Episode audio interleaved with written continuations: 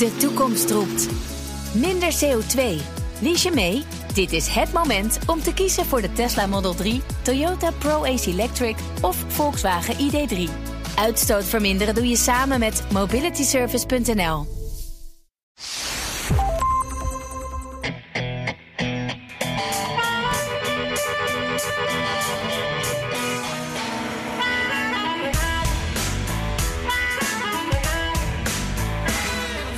De kiesmannen deden deze week precies wat ze moesten doen. En zo werd de overwinning van Joe Biden officieel.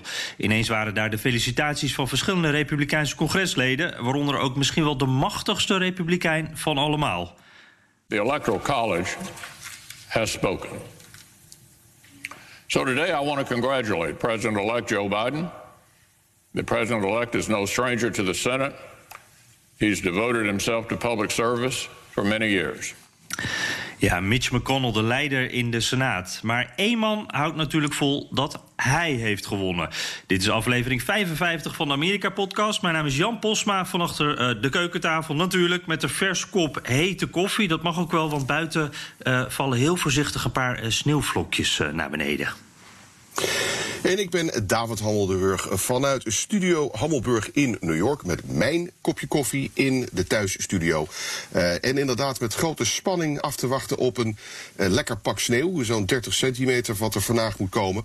En dat mag er natuurlijk ook nog wel bij in het jaar 2020. en burgemeester de Blasio heeft net aangekondigd... dat scholieren vandaag gewoon naar school moeten. Tenminste via Zoom. Een duidelijke boodschap, geen snipperdagen meer. Want dat hoeft niet meer in de tijden van Zoom.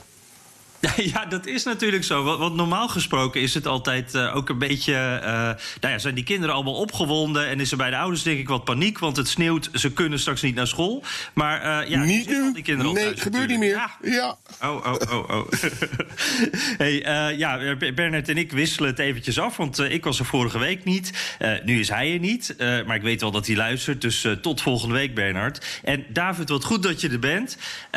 Hoe, hoe, is het verder daar in New York? En misschien eerst eens eventjes wat je zegt, de thuisstudio, dat is New York. Uh, zit je in een werkkamer, zit je in de woonkamer? Uh, hoe, hoe ziet het er om jou heen uit? Ik zit in, uh, in de slaapkamer, want daar is de, mijn kantoortje ook ingericht. En ik heb een mazzel, want ik heb een klein balkonnetje met uitzicht op de stad. Dus ik kan lekker in de gaten houden wat er gebeurt vandaag. Meestal hebben we om deze tijd een zwik helikopters boven ons vliegen. Maar dat is vandaag niet, dus het is lekker stil. Ja, nou, en verder. Is, uh, ja, fijn. Ik, ik, kan je ook wel even vertellen. Ik was gisteren, uh, het is ook wel leuk, uh, bij het oude huis van Trump in Queens. Tenminste, toen hij klein kind was. ja, daar gebeurt wel iets opmerkelijks. Want. Um, dat huis dat wordt te koop gezet en de makelaar heeft een GoFundMe-pagina daarvoor opgezegd. Uh, ze willen 3 miljoen dollar verzamelen om dat of aan Trump uh, uh, terug te geven of aan een, voor een goede doel. Dus ze proberen 3 miljoen dollar te verzamelen. En die man heeft dat uitgerekend. Dat is nou 100.000 Trump-supporters die dan 30 dollar pp sturen. dat, dat moet wel lukken. en tot gisteren was er, zat het op 6.500 dollar. Dus zo moet het nog wel even gaan. Ja. Oké, okay. uh, maar dat moet dan nou ja, een museumpje worden of zo? Dat moet een museumpje worden, ja precies. Maar het was, ja, het was wel een beetje knoddig. En verder, het uh, trieste nieuws is dat uh, de restaurants weer dicht zijn gegaan. Tenminste, niemand mag binnen eten in de stad New York. Niet in de staat New York, daar mag het nog wel. Maar in de stad New York. Um, maar dat is wel ook weer heel triest, want die sneeuwstorm komt er dus ook. En um, dus buiten eten mag ook niet meer vanwege het sneeuwruimen. Dus er was gisteren allemaal hele boze, protesterende uh, restaurateurs die, zeg, die zeiden: ja, we kunnen dit ons gewoon niet veroorloven. Dus het is echt een, een hele trieste zaak. Wat heb jij allemaal meegemaakt? Ja, nee, ik moet ook meteen denken aan de restaurants hier trouwens. Want dat is bij jou ook zo. Hè? Er worden overal tenten voor de deur gezet. Die staan dan half op de weg. Dat mocht, ik vond het allemaal wel gezellig eigenlijk. En die tenten worden bij ons, dat worden ook steeds meer uh, bouwwerkjes. Dus dat worden steeds meer eigenlijk een soort dependances van het restaurant. Uh, maar daar zijn die tenten zijn eigenlijk leuker van buiten dan van binnen. Ja, ja, precies, precies. Het heeft een beetje een uh, braderiegevoel. Alleen nu inderdaad wordt het zo koud en, en het weer zo vervelend dat dat ook niet meer kan. Um, ja, ik, ik, om het dan ook even dat, dat weercontrast. Uh, ik was uh, vorige week in Florida en daar viel Lekker. ook wel wat. Ja, het was heerlijk. Het was veel beter weer dan hier. Um, en en het, het, het was ook coronatechnisch heel anders. En, en, en dat doet, ja, daar moet ik nu wel even aan denken nu je New York zo vertelt. Want daar kan je natuurlijk heel makkelijk op straat eten. Want het weer is daar nog gewoon uh, goed. Maar het viel me daar ook heel erg op hoe individualistisch er daarmee om wordt gegaan. Hier in Washington, uh, als je naar buiten gaat, meteen een mondkapje op. Uh, dat zal bij jou hetzelfde zijn. Uh, daar houdt iedereen zich ook wel aan. en in Florida, dat is toch anders. Republikeinse gouverneur. lopen sowieso veel meer Republikeinen rond dan in Washington of New York.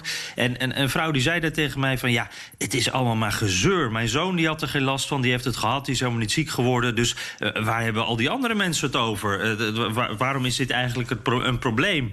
En uh, dan kijk je dan ook om je heen en dan zag je het ene restaurant, daar was het uh, coronatechnisch volgens de regeltjes. Um, Mondkapjes uh, bij het personeel. Uh, het was half leeg, want uh, nou, je mag maar een beperkt aantal mensen binnen hebben. Het was ook niet zo gezellig, moet ik eerlijk zeggen. En het restaurant ernaast, David, dat zat propvol. Daar werd gefeest. Er was een, de, de, de, muziek stond hard aan. Het stond echt helemaal vol. Niemand had een mondkapje op. En dat staat dan naast elkaar en, in één staat. En dan denk je ook, ja, dan heeft het ook allemaal niet zoveel zin. Hè? Er is zoveel argwaan richting al die, die maatregelen.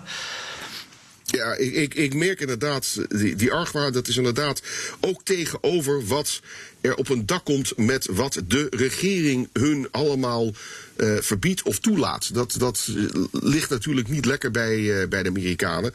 Vooral niet Republikeinse Amerikanen. Ik, ik, was, om je een voorbeeld te geven, in Queens of in Staten Island op maandag... een verhaal te maken over de vaccin. Queen, of, Staten Island is de, de vijfde stadsdeel van New York. En dat, dat, ja, daar wordt vaak lachend over gedaan. wat iedereen kent natuurlijk, Manhattan en Brooklyn. Maar van Staten Island heeft eigenlijk nog nooit iemand gehoord. Zo voelen de Staten Island Islanders uh, zich, zichzelf ook.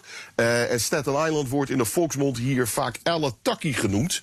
Een, een, mengelmoesje tussen Alabama en Kentucky. Want als je daar rondloopt, dan heeft het helemaal niets met New York te maken. Niet qua sfeer, niet qua mensen.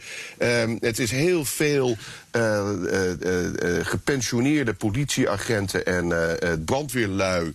de, de, de vakbonden zijn daar heel sterk. Dus je zou denken, nou, dat is een democratisch bolwerk, maar dat is het dus niet. Trump heeft daar met 24% gewonnen. je moet je nagaan in een stad zoals New York. Dus om de vraag, hoe gaat het met de vaccin? was het gros van de antwoorden no way. daar doe ik dus niet aan. Ja, misschien over tussen de drie en vijf jaar.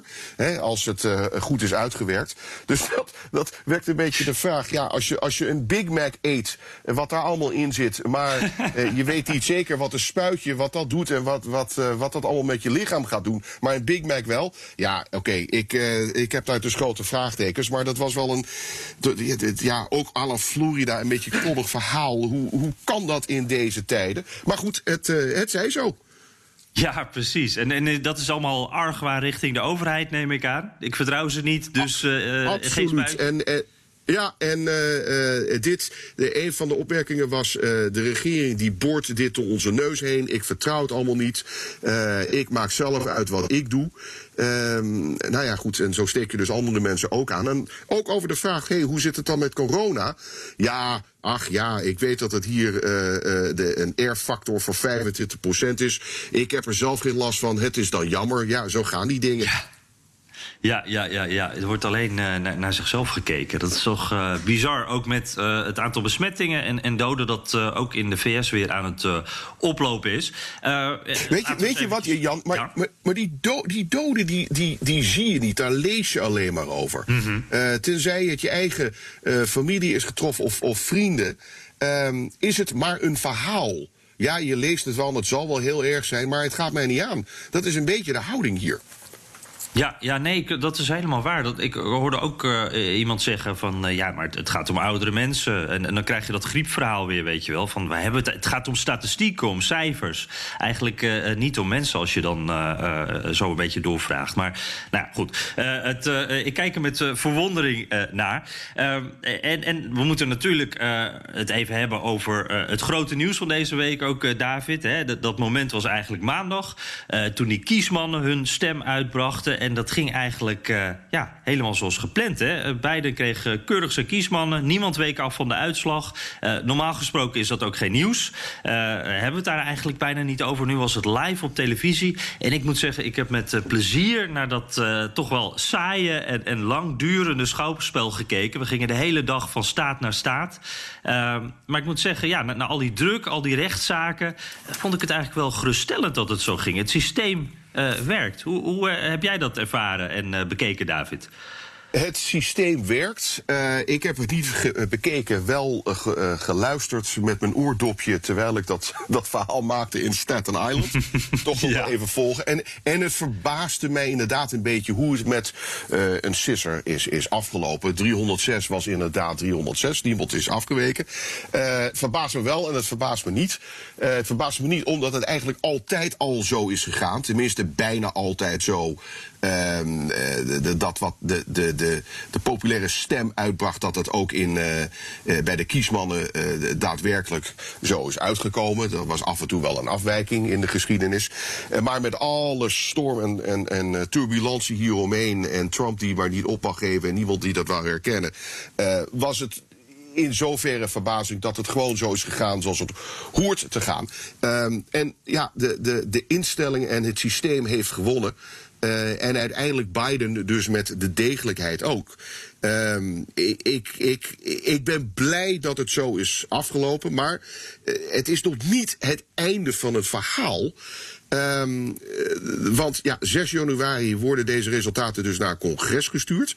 Um, en daar kan uh, de Republikeinen nog een ingreep doen. Er is een, uh, een Republikein uit uh, Alabama, Mo Brooks. die probeert een, een, stelletje andere Republikeinen bijeen te, te, te laten komen om die uitslag niet te erkennen. Daarvoor hebben ze senators voor nodig. als dat, ja, als dat trucje gebeurt, dan kan het nog altijd uitlopen, maar dat is een, ja, een uitstel van, uh, van executie, denk ik. Het is gedaan. Um, maar ja, Jan, je zit hier nu al een tijdje. En wat, wat heb jij gezien? Hoe zat het uh, in andere jaren? Heb jij iets gezien tijdens die stemming dat het anders heeft gemaakt dan, dan voorheen?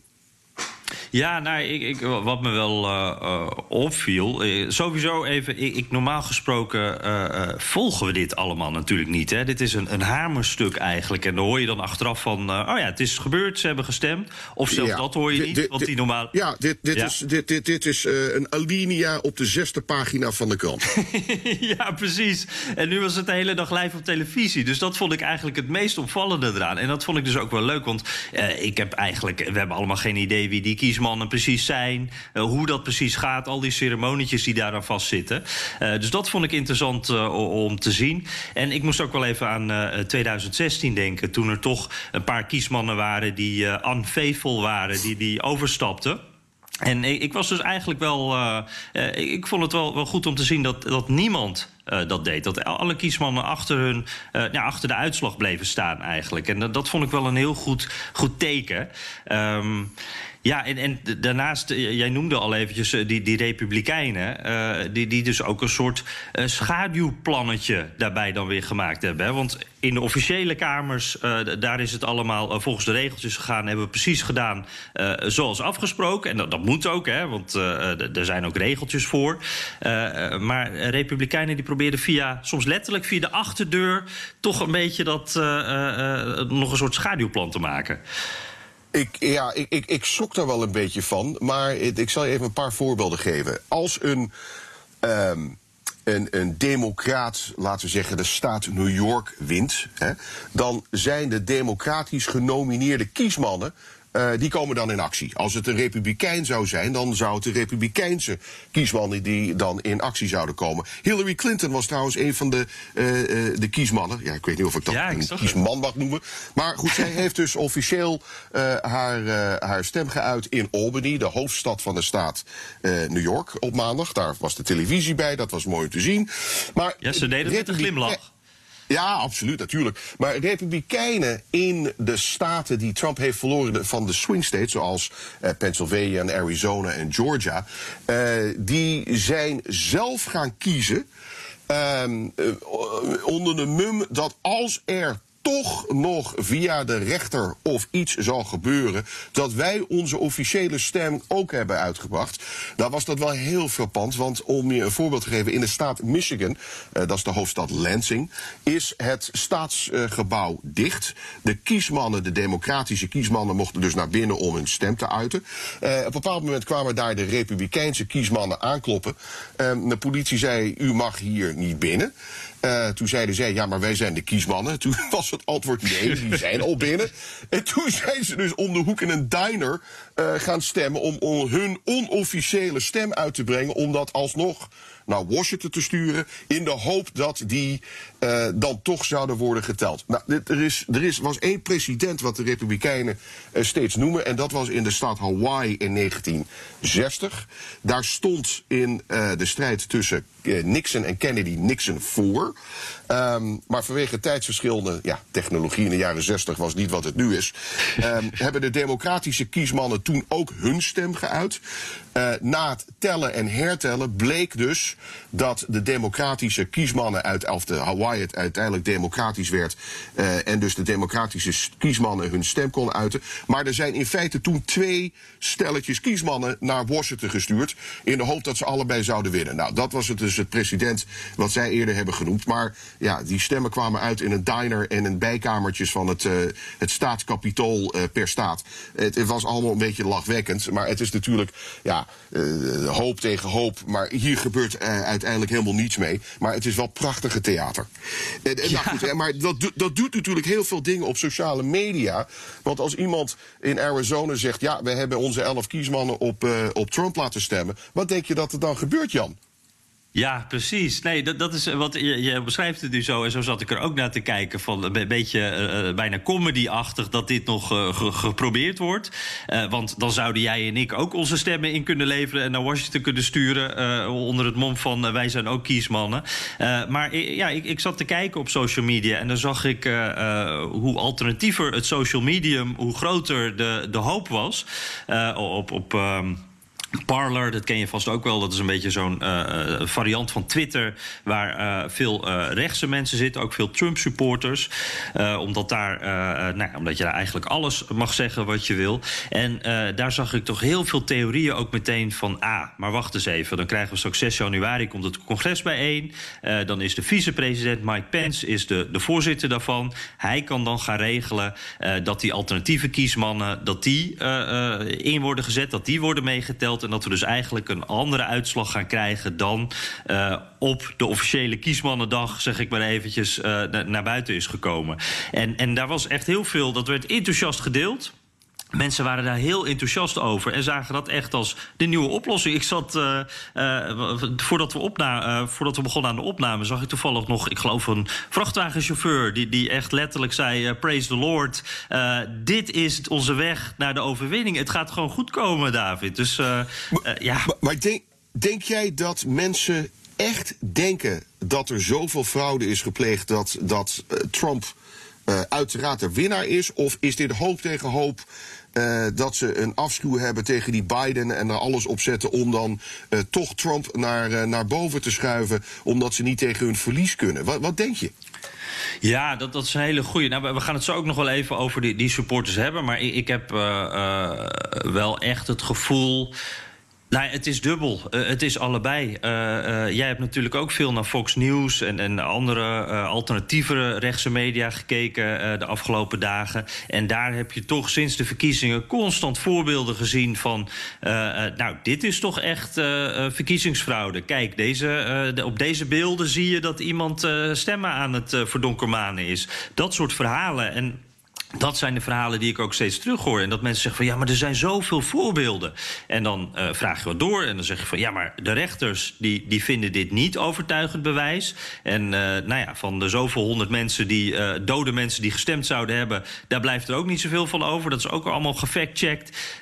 dit is niet genoeg voor, voor die honderdduizenden stemmen die je nodig hebt om die, die, die uitslag te veranderen.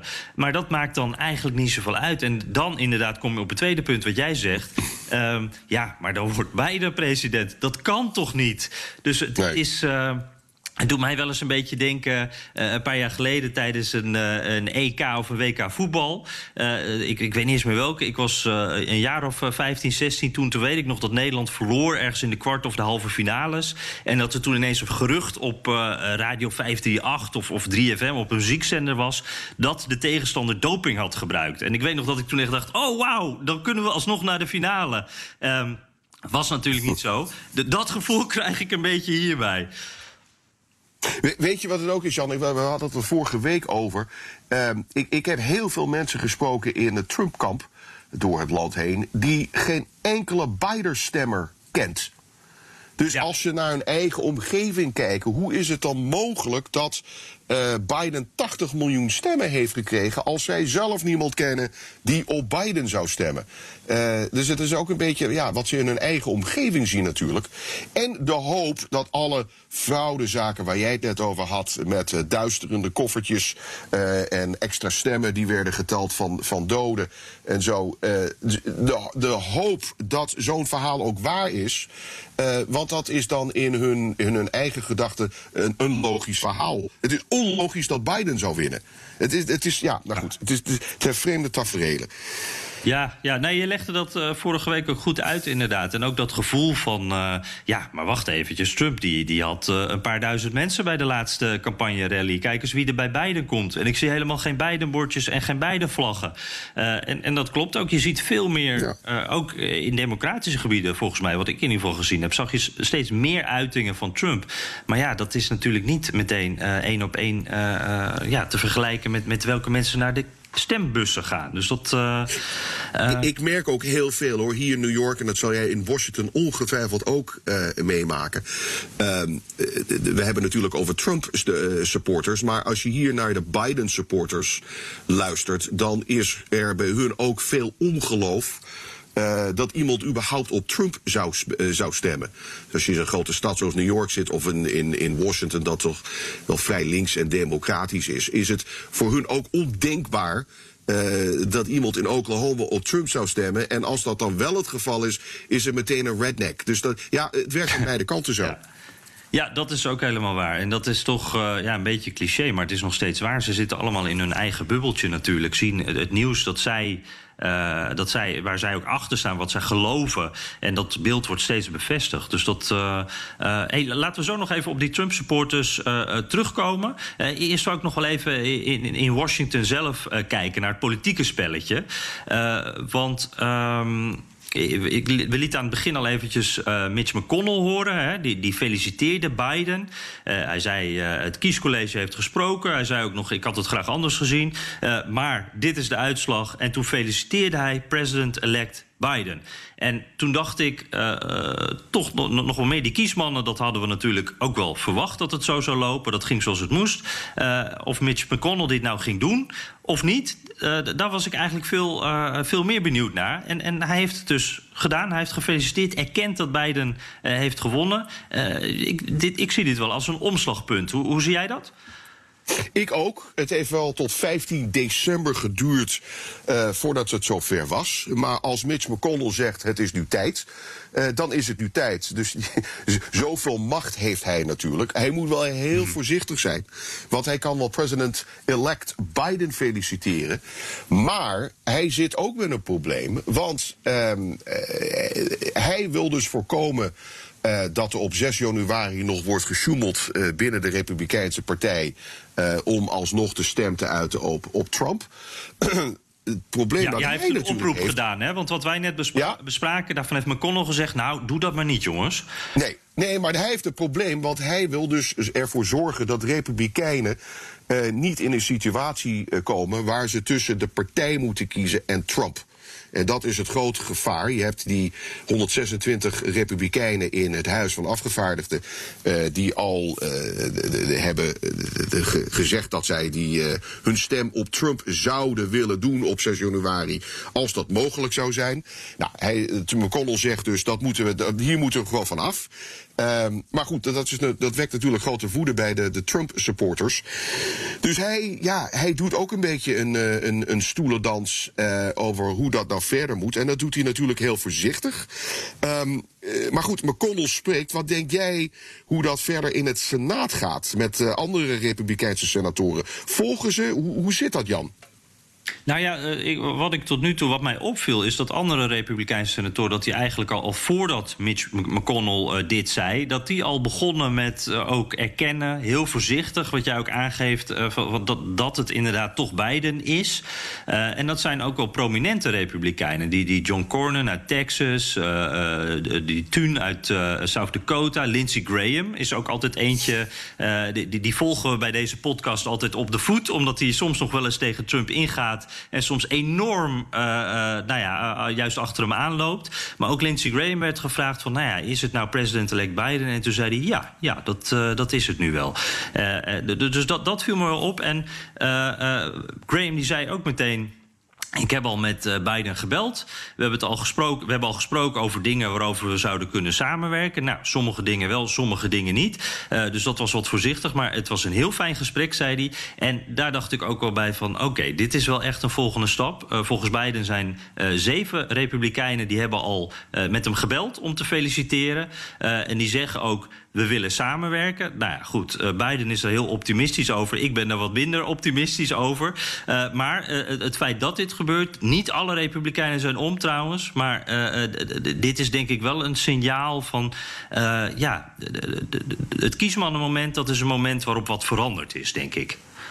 Ja, en vergeet niet, um, Biden en McConnell zaten samen 24 jaar in het Senaat. Ja, dus zijn eigenlijk uh, kennen elkaar goed, zijn ik denk ook wel bevriend. Het zijn mensen die door, samen door de deur kunnen. Um, en, natuurlijk, Biden is natuurlijk het, het soort president um, dat dit aan kan. Uh, ik denk dat, uh, dat het wat moeilijker zou zijn met Kamala Harris bijvoorbeeld als president. En dat is meer uh, het linkse gedeelte van het Democratische Instituut. Biden is altijd de gematigde gemiddelde geweest. En het is ook iemand die heel bekend staan, staat om zijn arm uit te reiken naar de mensen aan de, de, de andere kant. En samen in zee te gaan met republikeinen. Daar is hij altijd heer en meester in geweest. En ik zie geen reden waarom hij dat nu niet uh, uh, nog een keertje zou doen. Um, het is geen geval Obama, waar McConnell vanaf dag één zijn... wij werken niet met deze man mee, net zoals de democraten dat met Trump hebben gedaan. Um, ik denk dat Biden wat meer succesjes zou kunnen hebben in een verdeelde Trump-wereld. Um, en hij is de man die dat uh, dan zou uh, kunnen doen. Of dat gaat lukken of niet, dat weet ik gewoon niet. Daar is het nog te vroeg voor. Maar mm -hmm. als McConnell zegt het is over en uit en laten we uh, samen wat dingen proberen. Er zijn genoeg um, wetten waar ze aan kunnen werken. De, de, hele infrastructuurverhaal wat Trump al vier jaar aan probeert te werken. Waarom zou dat niet mm -hmm. nu kunnen? We zullen het in januari zien, die eerste honderd dagen. Hè, de, wat, hoe, hoe gaan ze samen verder? ik heb de hoop, alhoewel ik toch nog cynisch ben en niet al te veel verwacht. ja, ja, ja. Nou, daar kan ik me wel in vinden hoor. Maar ik hoorde inderdaad wel wat optimisme bij jou. En ik vraag me dan toch af, wat, wat, is, uh, wat is dat optimisme? Want zo'n McConnell die zegt dus, nou, ik wil wel samenwerken. Als ik dat hoor, dan denk ik, dan gaat bij mij meteen een alarmbel af. Want ik denk, die man die is vooral aan zijn eigen toekomst natuurlijk. Die is aan zijn eigen partij aan het denken. Die heeft zijn eigen visie. Hij wil zijn eigen dingen voor elkaar krijgen. Waarom zou die McConnell nu wel met Biden samenwerken... terwijl die niet met Obama wilde samenwerken? Um, omdat hij Obama, Obama veel meer het linkse bolwerk vond. En uh, Biden uh, toch weer de gematigde gemiddelde. Vergeet ook mm -hmm. niet, als je, nu naar, uh, als je nu kijkt wat er in Georgia gebeurt. vanwege al die Trump-complottheorieën tegen fraude met stemmen. Uh, hebben al 11 procent, uh, volgens de peiling van de Washington Post, uh, Republikeinen toegegeven in Georgia dat ze niet nog een keer naar de stembus gaan. Dus wat denk je dat er, dat er gebeurt in zo'n belangrijke verkiezingen op 5 januari met die twee senatoorzetels, als Republikeinen niet nog een keertje naar het stemloket gaan? Dus McConnell zit dan in een moeilijke situatie waar hij de Trump-supporters moet blijven steunen en terwijl tegelijkertijd ook door moet gaan. Met en binnen zijn eigen partij. Maar goed, Trump blijft tegenstribbelen. Wat denk jij dat er met die tak gaat gebeuren? Wordt Trump irrelevant of, of nog niet? Wat denk je, Jan? Ja, nee, uh, interessant. Dat, uh, en, en het punt wat je net noemt, dat vind ik echt een typisch McConnell-punt inderdaad. Dat is volgens mij typisch hoe McConnell ook denkt en, en tactisch uh, kijkt naar zijn eigen positie en die van de partij. Dus dat is een hele mooie. Ja, ik denk, ja, Trump, die. die ik, ik, heb wel het gevoel dat hij heel lang boven de partij nog gaat blijven hangen. Ik, ik, zag vandaag, een, dit is allemaal een beetje glazen bol kijken natuurlijk, maar ik zag afgelopen dagen een paar analyses voorbij komen. ja, Trump is straks geen president meer. hij heeft straks niet meer die, die uh, megafoon van het presidentschap om zijn boodschap uh, te, te, verspreiden. Hij, hij, ja, hij is gewoon niet belangrijk meer. Ehm, nou, daar zit wel wat in natuurlijk. Maar Trump is ook Trump, denk ik dan. En uh, die achterban van hem, uh, die is echt nog steeds heel loyaal. Ik kan me wel voorstellen dat die groep wel wat kleiner wordt en is geworden. Dat er echt een groepje afhaakt. Want uh, nou ja, waar, waar, hebben we het nu inmiddels nog over? Hè? Als die man geen president meer is, dan is de, de, de, mythe is ook een beetje doorbroken als hij de verkiezingen heeft verloren. Maar tegelijkertijd is Trump dus nu bezig een verhaal te maken waarin hij die de verkiezingen helemaal niet verliest. En hij toch gewoon die mythische Trump blijft die alles wint. en, en doordat als een soort schaduwpresident. Ja, precies, precies. En ik, ik, weet dat jullie het daar vorige week ook al eventjes over gehad hebben. Maar ja, dat 2024 wat boven de markt blijft hangen. Uh, Trump die zichzelf gewoon heel goed in de kijker blijft spelen. Uh, ik heb het gevoel dat hij, uh, zolang hij dus nog dat groepje harde kern achter zich heeft... dat hij echt nog heel wat republikeinen zenuwachtig kan maken. Hoe voel jij dat? Ja, maar de vraag is hoe lang gaat dat duren? Uh, hmm. We zitten nu in een, in een tijdperk van, van de, de, overgang. En 20 januari is dan een grote datum. En dan heb je de eerste 100 dagen. Hoe is het, laten we zeggen, kerst volgend jaar? Uh, daar is het, ik weet het antwoord gewoon niet.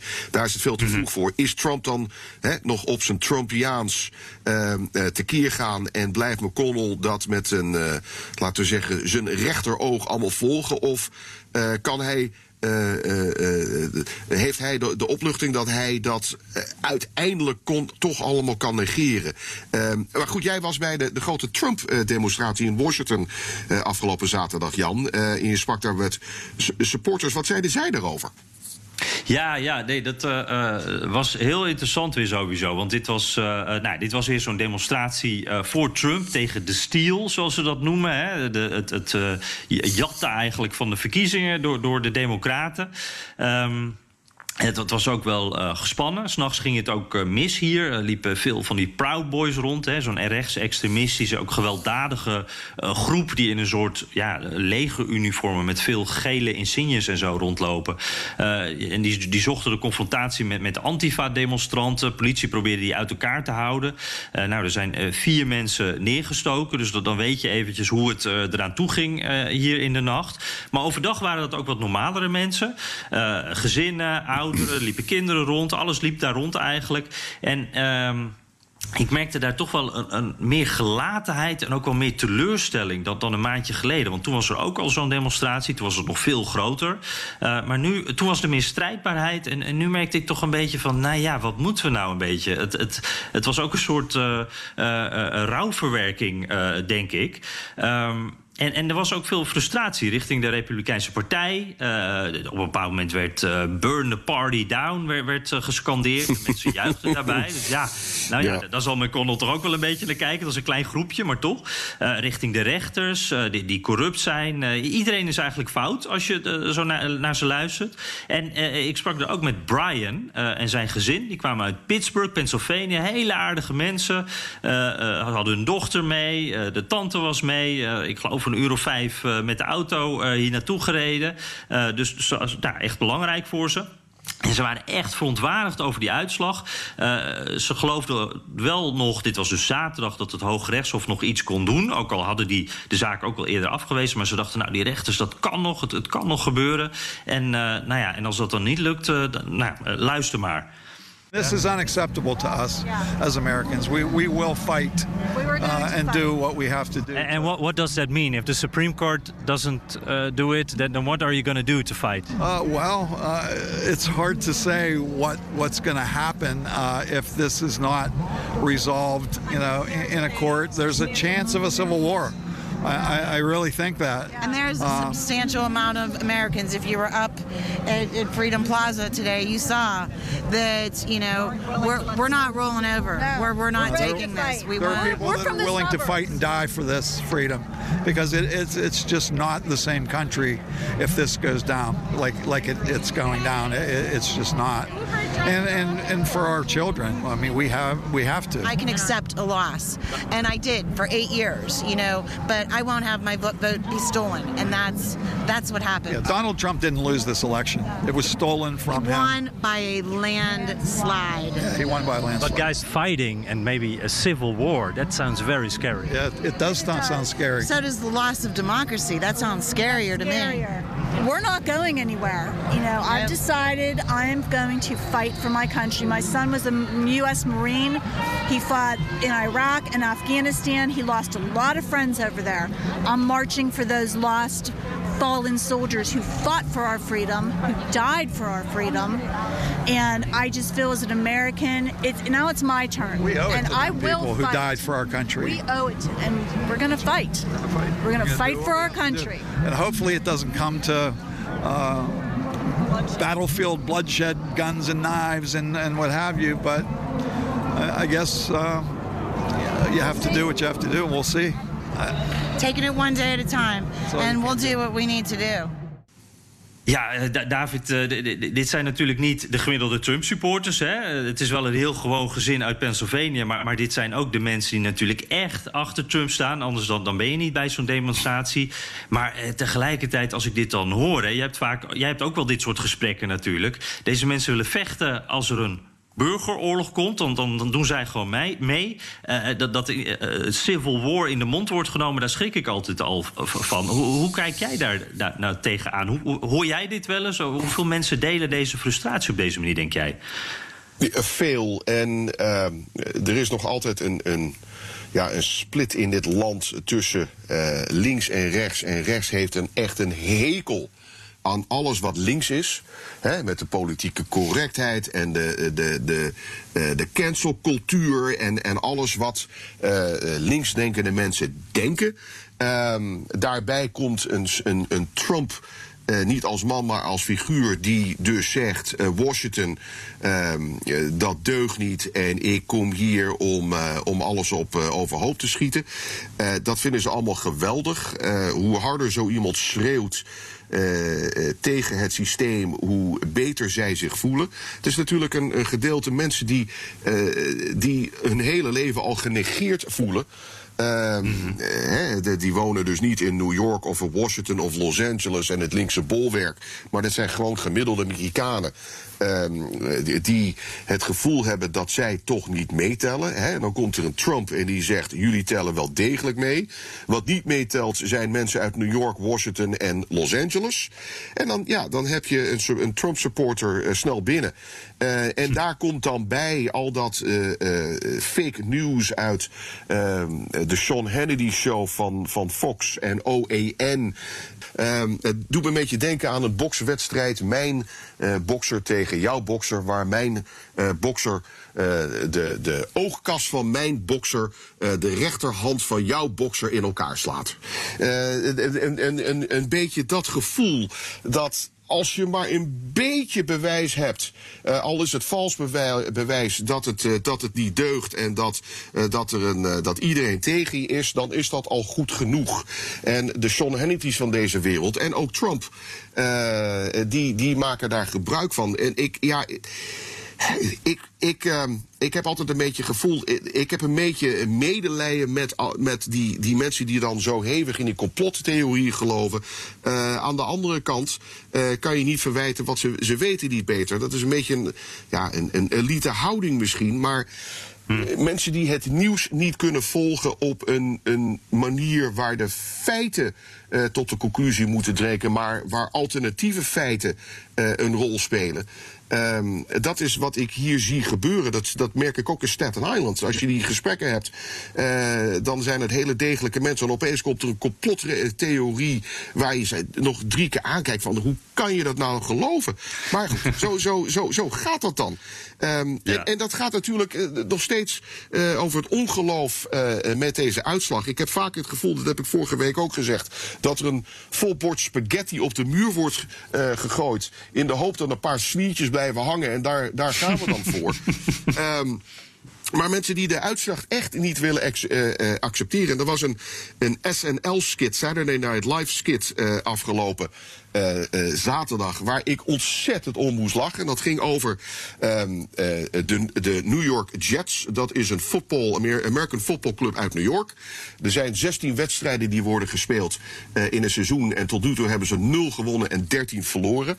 En die skit ging over de, de EON-complottheorie. Dat wat je ziet, de feiten daar echt niet van kloppen. En zo was er een voorbeeld van een wedstrijd eerder dit seizoen... waar de Jets voorstond tegen Miami. En uh, statistisch gezien was het dan wel onmogelijk dat Miami alsnog uh, uh, zou winnen. Dat hebben, hebben, ze natuurlijk uiteindelijk gedaan. Um, en als, met de vraag, ja, maar wie heeft dat dan officieel gemaakt? Dan was het antwoord de NFL. Dat is, laten we zeggen, de KNVB van de merken voetbal. En dan was het antwoord, ja, maar die mensen kan je toch niet geloven? Ik heb met mijn eigen ogen gezien dat ze voorstonden. Uh, toen ben ik naar bed gegaan en ik, ik, het is gewoon onmogelijk dat ze alsnog hebben verloren. Luister maar eens even. Now, it's being reported that on November 29th, the Jets lost to the Dolphins 20 to three. Lost. Says who? Well, I mean, that's how they scored it. Oh. Who did it? Who did the score? The NFL. Oh, the NFL! Oh, okay. Listen, I have in my hand right here sworn affidavits from 500 Jets fans who swear they witnessed the Jets win. But me tell you something.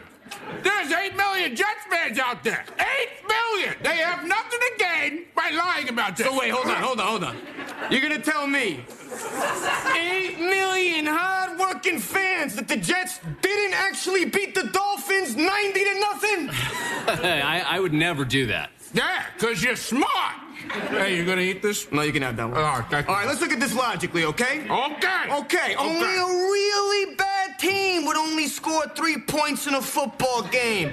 And the Jets are the greatest team ever. So something's not adding up here. Nou Jan, dan is de vraag: wat kan Biden doen om deze groep mensen toch nog uh, te overtuigen ja. dat hij de echte president is? Uh, en wat vond je van zijn ja. speech?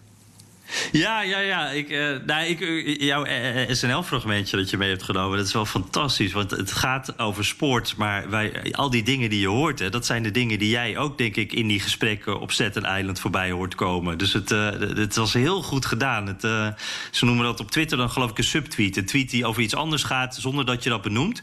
En dit was een sketch over iets anders zonder dat je dat benoemt. Het was echt goed gedaan.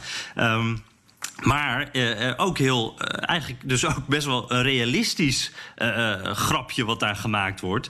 En ik denk daardoor, David, van ja, hoe kan je die mensen in godsnaam bereiken? Hoe kan je die overtuigen? Uh, dat, dat, ik, ik zie daar geen mogelijkheid eigenlijk. Hoe kan je dat nou doen? En die speech, uh, Biden die, die sloeg met zijn hand op tafel. Uh, ik denk ook dat het wel goed was dat hij dat deed. Want nou ja, het moment is nu ook wel daar. Hè. We hebben nu die kiesmannen gehad. volgende fase. Nu moeten we ook echt wel, denk ik, uh, gaan kijken naar uh, een, een, Amerika met de volgende president.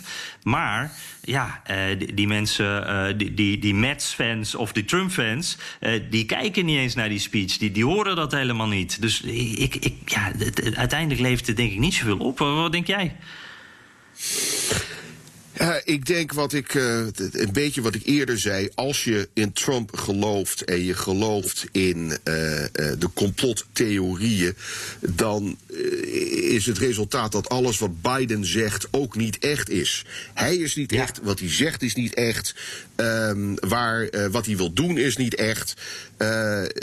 Dus als je, ja, als je in die groep zit, dan denk ik dat je vier jaar lang een gat hebt waar je dan wel iemand hebt in, het, in de ovale kamer die officieel president is, maar je wil dat dan, niet accepteren. Net zoals, dat zeg ik ook altijd, uh, veel democraten dat ook niet hebben gedaan met Trump. die hebben, er zijn dus een paar mm -hmm. mensen geweest die dat gewoon nooit hebben aanvaard. Um, en ik denk dat die groep mensen gewoon naar Trump blijft luisteren. um, de, de, de, vraag is, um, waar gaat dat gebeuren, Jan? Uh, hoe bedoel je dat? Waar geluisterd gaat worden? Waar, ja, waar gaat Trump naartoe? Waar gaat hij ah. uh, zijn. Ja, ja, waar gaat hij zijn, ja. zijn uh, schaduwpresidentschap leiden? Ja, precies, precies. Nee, dat, dat was een fantastisch grappig berichtje. Um, Uh, Trump heeft een beetje een probleem. Uh, uh, wij dachten natuurlijk allemaal, en dacht hij zelf volgens mij ook... we gaan naar Mar-a-Lago. Dat wordt het, het, het, nieuwe, de, het schaduwwitte huis eigenlijk. maar er stond in, in, in, achter Washington Post stond een berichtje... dat zijn buren um, daar eigenlijk helemaal niet willen hebben. Hij heeft ergens in de jaren negentig, toen hij Mar-a-Lago heeft omgeturnd... tot een, een, een ja, soort grote privéclub, zeg maar. toen heeft hij ook iets getekend waarin stond dat hij daar dan niet meer fulltime mocht wonen. Uh, en uh, als president werd eigenlijk niet naar die, werd die regel niet nageleefd. Want nou ja, het is toch ook de president. Uh, en nu is dan het punt gekomen dat ze in Mar-a-Lago zeggen van... ja, wacht eventjes, jij hebt je hier ingeschreven... maar wij willen niet dat je hier gaat wonen. Dat vinden we veel te veel gedoe. en het is tegen de regels. dus dat wordt nog wat. jij, jij komt daar wel eens in de buurt, begreep ik van Bernard. Hè? Jullie vieren wel eens niet op Mar-a-Lago zelf... maar in de, in de buurt en dat gebied wel eens vakantie. Hoe, ja. Hoe denk je dat die buurt er tegenaan kijkt? Met uh, argusogen. Uh, want uh, ik, ik, denk twee dingen. ten eerste is het factor Trump uh, daar inderdaad niet welkom. En bovendien was er in 1993 een, een, deal gemaakt waar heel duidelijk stond: dit is geen plek om permanent te blijven wonen. Dus dat is één. Mm -hmm. En ten tweede, ten tweede, als je daar de Secret Service hebt met iemand die daar permanent zit, wat denk je dat dat met de buren, uh, wat daarmee gaat gebeuren? Het is een heel klein ja. weggetje, dat is de A1A. Uh, om daar überhaupt van, uh, van A naar B te rijden met de Secret Service voor de deur. Ik zie dat niet zo snel gebeuren. Um, dus, nou goed, dit wordt dan de, zo, de zoveelste rechtszaak uh, voor of ja, van precies. of tegen Trump. Dus ik ben benieuwd wat hier gaat gebeuren. Maar ik betwijfel. Ja. Um, of hij daar zich inderdaad permanent kan bivakeren. Dus mijn vraag is dan, als u schaduwpresident wordt, waar gaat hij dat doen? Ja, want uh, David, uh, uh, New York wordt ook lastig natuurlijk. Want daar zijn ze ook niet blij met hem. Ook vanwege al die veiligheidsmaatregelen. En ik denk dat de, de Secret Service, die, die houdt ook helemaal niet van dat, zijn appartement daar op Fifth Avenue. Nee. Dat is moeilijk te beveiligen. Ja. Hartje Fifth Avenue op de hoek van de, de, de uh, 56e straat. Hartje van de stad. Uh, als je dat afsluit. Ik denk niet dat de New Yorkers daar zo blij mee zijn. Bovendien wordt hij hier uh, uh, sowieso uitgekotst. Dus ik, ja, het zal wel ergens een Florida worden, maar, maar waar weten we niet. Uh, misschien ja. op het privé-eilandje bij Miami, hè, waar zijn dochter en schoonzoon ook gaan wonen. Indian oh, ja. Creek, misschien daar. Dat is waar Madonna een huisje heeft. En, en Sylvester Stallone en Julio Iglesias en van dat soort mensen. Uh, daar kom je dus gewoon ja, gaan jullie never ook op vakantie, in. Toch? Ja, ja, ja, ja, ja. Elke maand komen we daar. Ja. Um, maar ik, ik weet het gewoon niet, dus ik ben heel, heel benieuwd. Ja, ik ook. Zullen wij, een unieke situatie. Naar, ja, ja, zullen wij eens naar de luisteraarsvragen gaan? Ja, heel goed. Um, ja, uh, Ruud Peek. Uh, kun je de conclusie trekken dat Trump een enorme blunder heeft begaan door, te stemmen, door het stemmen per post al vooraf als frauduleus te bestempelen? Door dit te doen zijn er mogelijk minder Republikeinen gaan stemmen, omdat mensen vanwege de COVID-pandemie toch huiverig waren om uh, naar het stembureau te gaan. Ja, zou hij daadwerkelijk hebben geloofd dat hij het stemmen per post als illegaal verklaard had kunnen krijgen? zegt Ruud Peek dus. Ik vind dat wel een interessante, David. Ik denk dat hij daar inderdaad wel een een verkeerde inschatting heeft gemaakt. Uh, wat, uh, wat zeg jij? Ik denk dat het gecalculeerd is, want uh, Florida bijvoorbeeld, uh, dat, dat even voor de uitleg. In Florida is er een staatwet dat alle stemmen voor middernacht op verkiezingsavond moeten worden geteld. Dus zodra -hmm. die stemmen binnenkomen via de post, worden ze onmiddellijk geteld. In Florida uh, was het het omgekeerde. Uh, daar werd alles verzameld. Die werden dan om 7 uur s ochtends op verkiezingsavond geopend. En pas vanaf 8 uur, uh, toen de stemloketten dichtgingen in Pennsylvania, begonnen ze te tellen. Dus dan is het een kleine kunst dat het drie of vier dagen duurt voordat die stemmen wordt geteld. Zijn truc was, alle stemmen die na de verkiezingen binnenkomen, mogen niet worden geteld. Hoge Rechtshof heeft daar al meerdere keren een mening over geuit, ook in Pennsylvania. Uh, die zeiden dat dat, dat is tegen de wet. Uh, die stemmen moeten wo gewoon worden geteld. Nou, dan geef je dan een deadline per staat.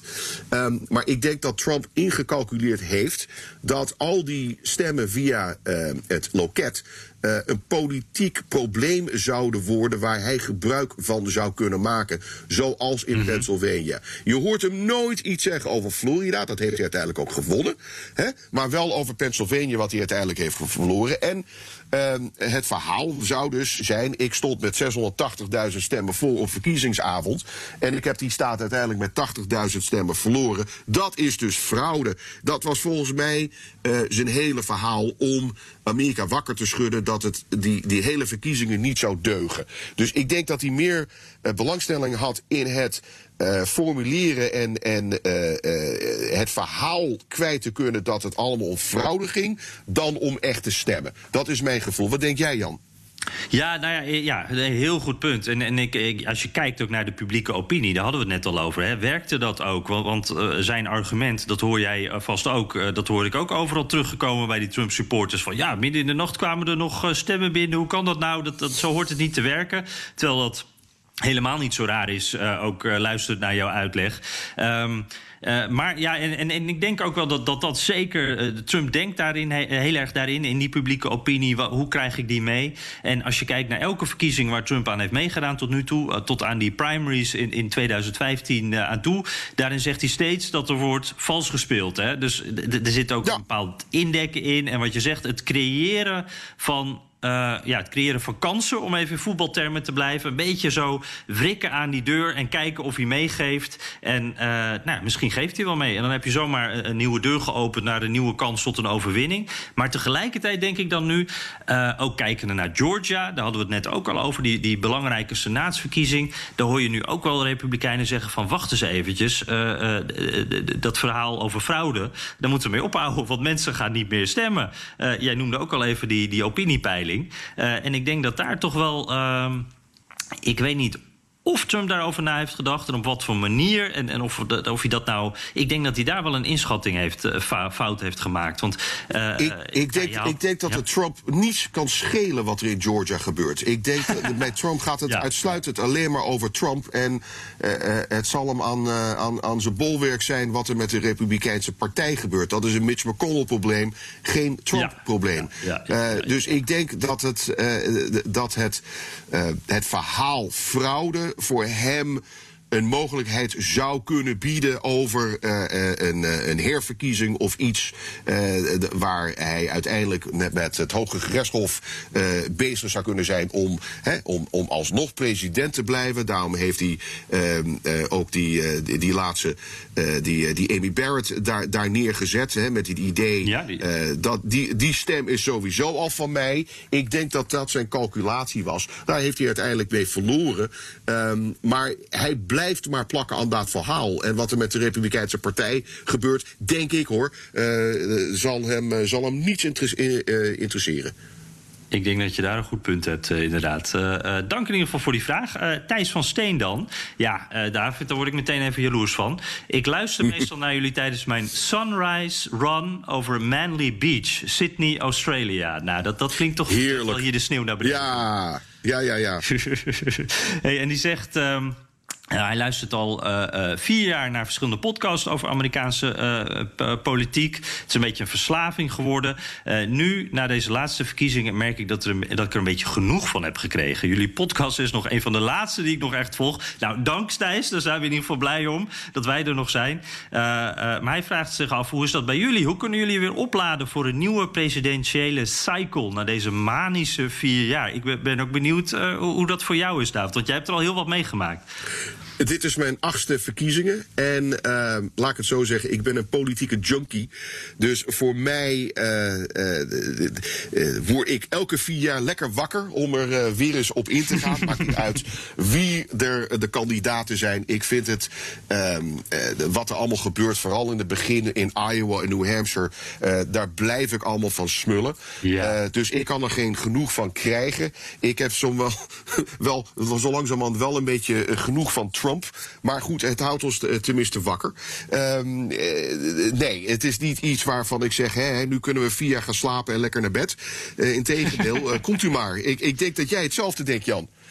Ja, precies. Ik denk ook, want jij zei ook van we worden ook wel een beetje moe van uh, Trump. Dat heb ik ook. En uh, tegelijkertijd ga ik hem ook wel missen hoor. Want het, uh, nou ja, jij had ook elke ochtend word je wakker. ik check eerst even wat hij heeft gezegd op Twitter. en daarna is, is, alles een verrassing. Maar dit, dit biedt ook wel weer mogelijkheden. Hè? Want al die verhalen die we afgelopen jaren niet konden vertellen. omdat we zo druk met Trump waren. Omdat Trump zoveel aandacht uh, opeiste.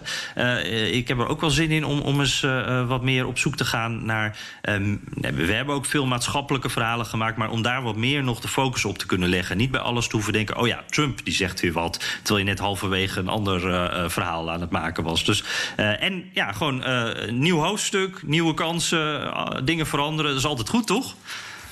Ja, ik denk dat we uh, de meneer maar in, uh, in Manly Beach, Sydney, Australia uh, op moeten zoeken om even vakantie te nemen. En daarna ja. komen we weer aan de slag.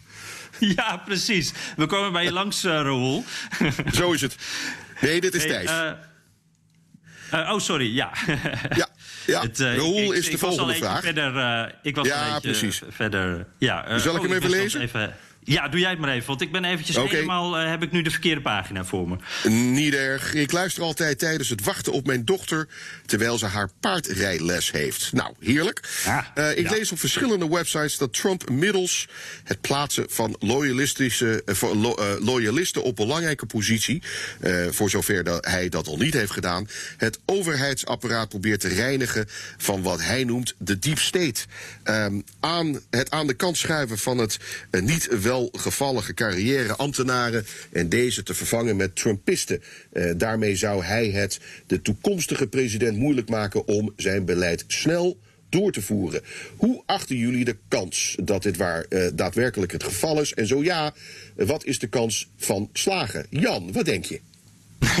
ja, nou ja, we zien natuurlijk dat uh, Trump op allerlei manieren al dingen aan het doen is om uh, het beiden uh, moeilijk te maken. als het gaat om het terugtrekken van troepen bijvoorbeeld, dus echt beleidsmatige dingen.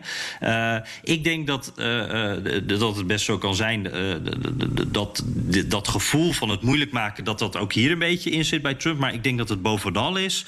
Um, dat Trump uh, dit niet zit uh, als, als, uh, per se als 100% dwars zitten, maar dat dit ook gewoon het juiste is volgens Trump en de mensen om hem heen. Want zij geloven inderdaad heilig in die deep state, die, die hun op allerlei manieren heeft tegengewerkt en die eigenlijk het, het, het overheids, of, of nou ja, laten we zeggen, het, het echte beleid in de weg zit, het echte goede beleid in, in Trumps ogen. en, en ik denk dus dat zij dit meer zien als een soort ja, logisch iets, dat, we, dat er een beetje uh, dat ze hun mensen hier neerzetten met hun ideeën. Uh, dat dat meer de gedachte is. Nou, nou hebben we natuurlijk net uh, ook minister Barr gehad. Die ja, is opgestapt met een hele vriendelijke ontslagbrief en een vriendelijke tweet van Trump. Maar tegelijkertijd die ook al een tijdje ruzie had. Um, dat, dat, is dan wel weer een voorbeeld waarvan ik wel denk van nou, dat, uh, die, daar wilde Trump wel eventjes vanaf. En Trump zou in die laatste weken nog misschien wel wat dingetjes door willen voeren. Hoe, uh, wat denk jij? Als ik Biden zou zijn, dan zou ik zeggen: uh, ik word gemanipuleerd door Trumpisten in de deep state en hem daarmee terug. Je draait het om.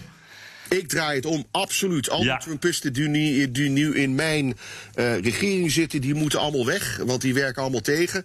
Um, dat zou een leuke truc zijn van Biden. Want daarin maak je natuurlijk het hele verhaal een beetje belachelijk. Dus ik zou dat ja. met, uh, laten we zeggen, ik knipoog zo brengen. ja. ja, want uh, laten we het ook. De deep state, dat, die term, dat maakt alles verdacht natuurlijk. Maar het feit, dat hebben we in Nederland ook. Het feit dat er ambtenaren zitten die er langer zitten dan een president. En dus meer kennis hebben. Uh, misschien ook meer lange termijn kijken. Ja, uh, dat is helemaal niet zo slecht, toch? Nee. Maar goed, wie heeft er meer kennis dan een uh, 47 jaar zittende Joe Biden? Goed, volgende vraag. Van Floris Bom. Um, twee keer per week moet ik, moet ik, een uur rijden naar een andere locatie van mijn werk. En dan luister ik altijd in de spreekwoordelijke één adem jullie podcast uit. Nou, dat is heerlijk om te ah. horen. Um, volgens documentaires als The Great Hack en The Social Dilemma hebben de social media zeer veel invloed uh, op het gehele proces. Denk bijvoorbeeld aan het feit dat Trump uh, voor de 2016 campagne meer dan 2 miljoen verschillende advertenties draaide op Facebook. Uh, terwijl Hillary er slechts 80.000 draaide. team Trump kon door middel van bijvoorbeeld toch uh, hoorde je de Amerika-kenners hier vaak maar bar weinig over. Wordt dat niet enorm onderschat? Nou, we hebben het er een beetje over gehad, over social media. Wil je er nog één zin aan besteden? Nou ja, inderdaad. Ik wou er nog wel even aan toevoegen. Want jij noemde dat eh, ook al eventjes. Eh, de, hoe mensen geïnformeerd zijn. Dat is denk ik iets waar. Uh, volgens mij hebben we er best wel veel aandacht uh, hebben besteed aan die social media. De invloed daarvan. Het was zowel in 2016 als in 2020 wel een onderwerp. Alleen ik denk dat we wel wat beter zouden kunnen uitleggen. wat voor gevolgen dat bij mensen heeft. En, en wat jij ook al een beetje noemde. mensen zijn. wij gaan als journalisten vaak vanuit dat iedereen het allemaal zo minutieus volgt als wij dat doen. En dan zie je bijvoorbeeld met die kiesmannen en, en het hele uh, gedoe, eigenlijk al die ceremonies en dingetjes na, de, uh, na 3 november, hoe ingewikkeld dat is. Uh, en dat daar dan op social media allerlei eigen theorieën over beginnen te ontstaan. Het is eigenlijk best wel logisch, want natuurlijk, als jij een, een, een fulltime baan hebt, dan zit je niet de hele dag televisie te kijken. En dan weet je niet alles. En ook als je wel de hele dag televisie zit te kijken, dan krijg je bij Fox News toch een heel ander verhaal uh, dan, uh, nou ja, dan wat precies de regeltjes zijn en wat nou precies de werkelijkheid is. Ik denk dat we daar wel eens misschien wat meer over mogen praten, uitleggen hoe dat nou zit. Ja, ik, ik ben het een beetje eens. Ik, ik denk altijd aan twee redeneringen. Redenering 1 is: ik voel en denk wat. En Fox News bewijst wat ik daarover voel en denk. Dus mm -hmm. uh, die bevestigen wat ik altijd heb, heb gedacht. Uh, tweede redenering is, ik kijk naar Fox News, ik uh, vertrouw dat hele linkse bolwerknieuws uh, niet. Die geven mij dan de informatie waar ik mee uit de weg kan, dus dat geloof ik dan. Maar ik moet altijd denken aan Tip O'Neill, dat was de Speaker of the House tijdens Reagan. En die kwam met de legendarische uitspraak, je hebt recht op je eigen mening, maar niet op je eigen feiten. ja, dat is een mooie. En uh, helemaal actueel. Hey, om het dan even af, af te sluiten. Mark Meijer, uh, die zegt... ik luister onderweg naar mijn werk van het mooie Almelo naar Groningen. En hij vraagt zich af, zijn Amerikanen zich bewust van de Nederlandse geschiedenis? Ik kan me voorstellen dat dit in New York heel anders is dan in Texas of Oregon. En daarnaast ben ik wel benieuwd wat er nog te zien is van die Nederlandse geschiedenis. Is dat nog te merken aan de sfeer in bijvoorbeeld New York? Zijn er nog overblijfselen? nou ja, jij als inwoner van New York, wat merk jij daarvan? Ik zeg altijd dat New York nieuw Amsterdam is en zich op zijn Amsterdams gedraagt zonder dat ze dat zelf weten. Uh, New York was 40 jaar uh, eigendom van Nederland. Alle straatnamen die je hier ziet, die zijn uh, omgezet van Nederlandse woorden naar Engelse woorden. Zo was Wall Street bijvoorbeeld de Muurstraat, Broadway was de Brede Weg. Staten Island was Staten-eiland, Long Island was Lange Eiland enzovoort. Geen Amerikaan die, dat, uh, die daar, dat weet of zich daar bewust van is. Maar het gedrag van New Yorkers is dat net zo als uh, onafhankelijk en eigenwijs als dat van Amsterdammers. En daar komt het vandaan. De, de Engelsen waren uh, slim genoeg om uh, Nieuw Amsterdam, toen het New York was, te laten voor wat het was. Een beetje zoals de Chinezen dat met Hongkong hebben gedaan. Maar niemand is zich daar eigenlijk van bewust. ja, nou ja, dat is eigenlijk ook wel mooi zo, toch? Uh, dan uh, zien we in ieder geval wat herkenbaars. En, uh, wij, wij weten dat, tenminste, dat, dat is toch belangrijk genoeg, hè? Ja, precies. Vind ik ook, hoor. Vind ik ook. Mooi, mooi, mooi. Hey, daarmee, laten we hem daarmee ook afsluiten, deze aflevering van de Amerika-podcast. Ik, ik heb deze week trouwens even geen recensies, want iTunes was ook even eigenwijs. werkte even niet mee. Maar dank voor het sturen, zeg ik alvast. En, en volgende week dan heb ik vast iets geregeld waardoor ik het toch kan bekijken. Dan hoor je ze. Terugluisteren kan via de BNR-site, Apple Podcast en Spotify. Heb je vragen, opmerkingen, kritiek of complimenten? Dan kan het ook met een tweet naar Jan Posma USA of BNR De Wereld. Of heel ouderwets een mailtje naar dewereld.bnr.nl. Ja, en uh, laat ons uh, zoals altijd ook even weten hoe je naar ons luistert. Of dat vanaf een zonnig strand in Australië is bijvoorbeeld, uh, horen we graag.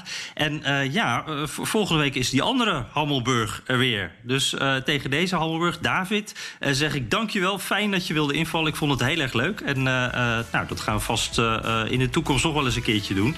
Altijd goed om een Hammelburg erbij te hebben. En tegen jou thuis zeg ik leuk dat je er was, dat je geluisterd hebt. En dank, voor het, dank voor het luisteren. Tot volgende week.